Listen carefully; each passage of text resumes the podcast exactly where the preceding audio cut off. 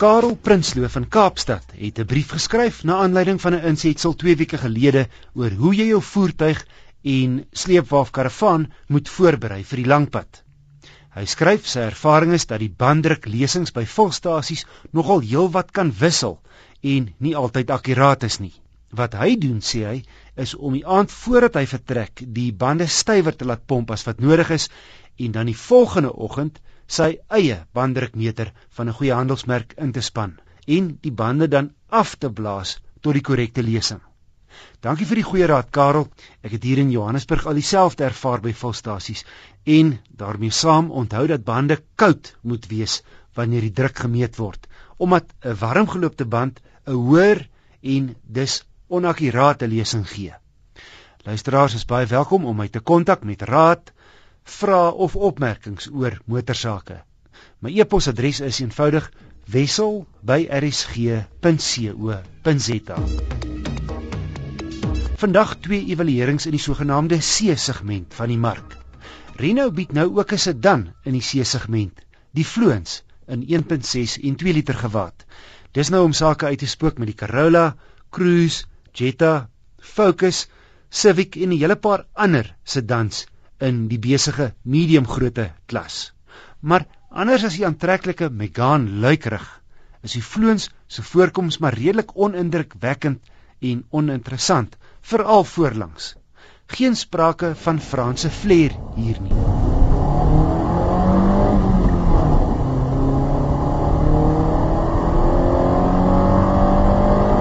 Die topmodel se 105 kW kraglewering is niks om oor huis toe te skryf vir 'n 2 liter petrol nie.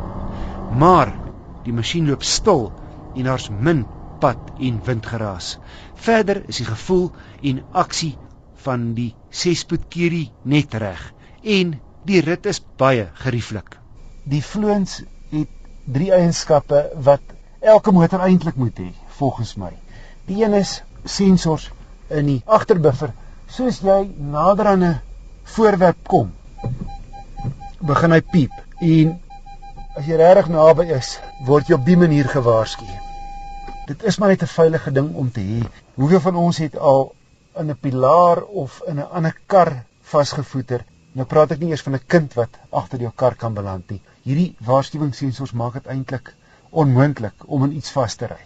Die tweede ding wat alle motors behoort te hê is 'n skakelaar om die ligte op en af te stel. Die vleuensin sit net regs van die stuurwiel en die spesifieke toetskar is in 'n grys wat saamsmelt met die teerpad. Dit is 'n goeie rede om met jou ligte aan te ry in die dag en as 'n reël doen ek dit met alle karre wat ek bestuur. 'n Mens is net meer sigbaar. Nou met hierdie skakelaar kan jy in die dag jou ligte op sy heel laagste stel sodat jy nie ander motoriste onnodig pla nie. Sakkie son en dit word nag, dan stel jy jou ligte hoër. En as jy die dag swaar gelaai met jou neus wat hoog wys, kan jy jou ligte laag stel en weer eens nie ander motoriste onnodig in die nag pla nie. Die derde ding hang saam met die tweede en dit is dat die ligte outomaties afskakel wanneer jy die kar afskakel. So jy hoef nie jou ligte af te skakel of bekommerd te wees dat jy battery gaan afloop nie. Andersins is die vloons ook baie goed toegerus met nie minder nie as 6 ligsakke, leer op die stuur en die stoele, 'n ordentlike radio CD speler en 'n skerm hier in die middel bo van die paneelbord vir jou navigasie.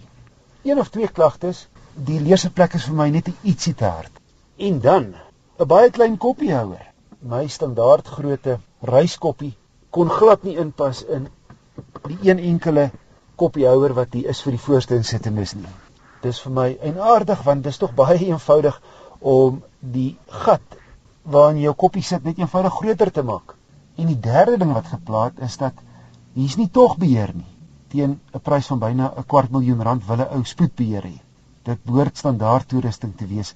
Maar die eienaardige is dat die Renault Clio 1.6 wat ek so 'n jaar of 2 gelede getoets het, wel standaard uitkom met spoedbeheer. Ruimte is daar genoeg vir 'n gesin van 5 en Renault bied 'n baie goeie diensplan van 5 jaar of 'n 100 000 km. Vergelyk jy sy toerusting en prys van R244.900 met sy teenstanders, bied die gerieflike Renault Fluence 2 liter goeie waarde vir geld. Dit was 'n slim skuif van Kia om vir die ontwerper Pieter Schreier van Volkswagen en Audi weg te lok, want terwyl Kia's nog altyd goeie ware vir geld gebied het, is hulle nou ook aantreklik met die kenmerkende tiergesig voorkoms. Boonop het die afwerking en gehalte die afgelope jare aansienlik verbeter. Die Cerato 1.6 luikerig is geen uitsondering nie, binne en buite skoon en netjies gestyl. Die intree vlak Cerato is verbasend goed toegerus vir 'n golfgrootte lykerig teen R186000. Die leerbedekte stuur kan op en af as ook in en uitverstel, 6 ligsakke, klimaatbeheer, 16 duim alloy wiele, 'n CD MP3 klankstelsel met USB en iPod verbindings asook 'n koppelplek vir bykomende toestelle, 'n ritrekenaar en ses ratte vorentoe. Met die wegtrekslag sluit die deure outomaties. Jy kan die hoofligte met 'n skakelaar op en afstel en die ligte skakel outomaties af wanneer jy die kar afskakel. Ook standaard is 'n diensplan van 4 jaar of 90000 km. 91 kW 1.6 bied genoeg krag vir die meeste mense. By seevlak versnel hy van 0 na 100 in net minder as 11 sekondes. Al werklike punt van kritiek is dat die elektriese stuur gevoelloos is met geen terugvoer omdraaie nie. Om op te som, hy maak nie daarop aanspraak om die beste luikerig in die C-segment te wees nie. Daaier kom volgens my die Volkswagen Golf toe. Maar die Kia Cerato 1.6 is sonder twyfel die beste waarde vir geld luikerig in sy klas.